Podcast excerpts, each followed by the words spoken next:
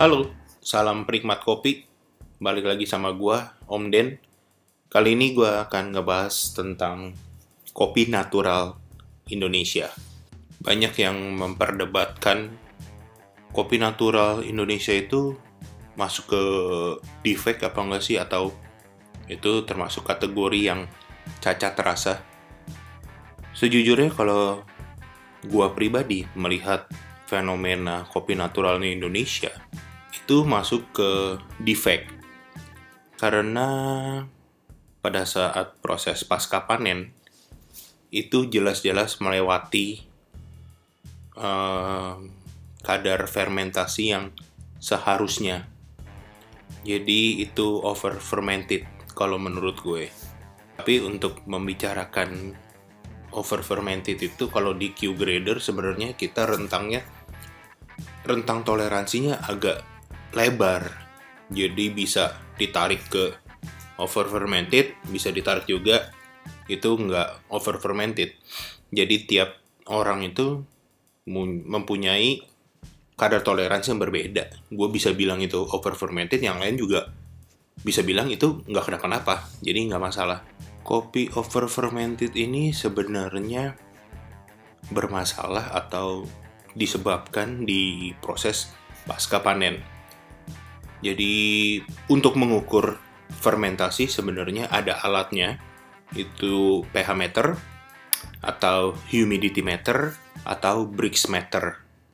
Tapi jelas ya kalau alat-alat yang saya sebutkan tadi itu agak mahal. Sebenarnya kita ada alat yang paling canggih juga itu pakai penciuman. Jadi kita bisa mendeteksi si kopi itu over fermented apa enggak dengan ya hidung kita.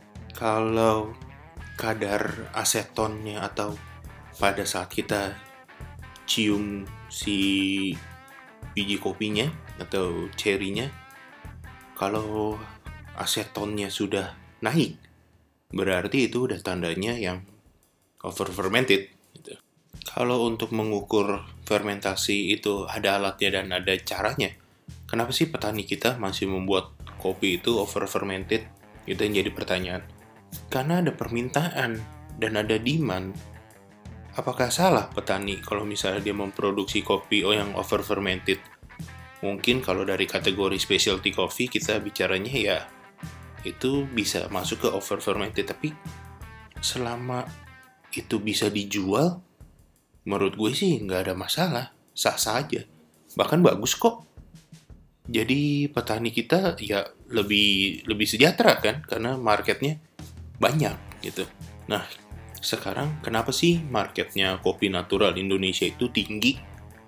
Sebenarnya kita harus tarik mundur dulu ke budayanya kita. Kita hidup di iklim tropis yang notabene buah-buahannya juga tropical fruit gitu kayak nangka, pepaya itu udah udah sering banget di kehidupan kita kesehariannya kita kita temukan buah-buah kayak gitu.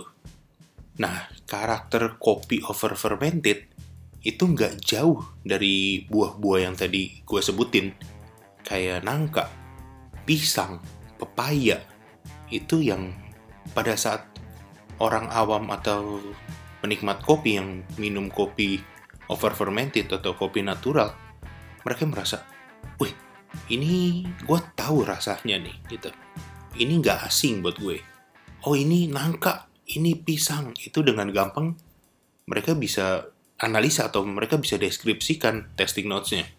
Tapi kopi natural Indonesia ini mempunyai kelemahan sih kalau menurut gue dari pendapat gue pribadi karena gini semua kopi yang diproses secara natural di Indonesia itu memiliki kesamaan rasa jadi dengan proses yang over fermented, karakter rasa yang dihasilkan itu rata-rata mirip. Ya nggak jauh-jauh dari pisang, dari nangka, yaitu pepaya misalnya. Itu nggak nggak nggak jauh-jauh dari sana. Jadi kayak kopi natural Indonesia itu akhirnya monoton. Uh, contohnya gini, kopi Aceh diproses secara natural dibandingkan dengan kopi Bali diproses secara natural juga. Tapi dua-duanya proses pasca panennya over fermented semua gitu. Yang akhirnya rasanya karakternya mirip-mirip aja gitu. Kita nggak punya kompleksitas di sana. Diversitasnya juga minim banget gitu. Tapi balik lagi gue juga nggak mau ngejudge ini petani yang salah. Nggak kok.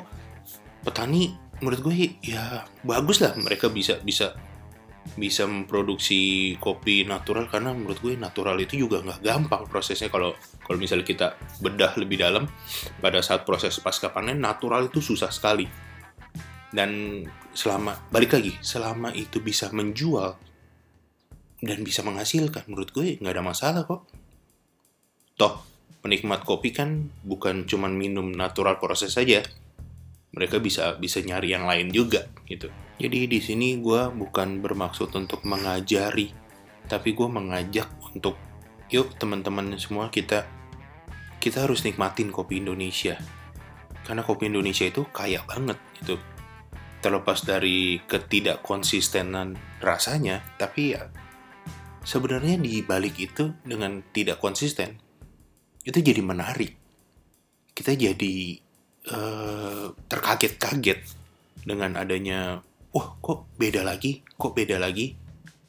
Terlepas dari ya sisi negatifnya seperti itu. Tapi selama kita menikmati kopi kita sendiri, menurut gue industri kopi di Indonesia ke depannya juga bakalan apalagi khususnya untuk kopi Indonesianya itu bakalan maju kok.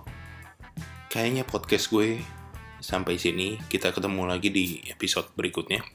Salam penikmat kopi. Gue Om Den kalau misalnya ada mau nanya bisa di Instagram aja.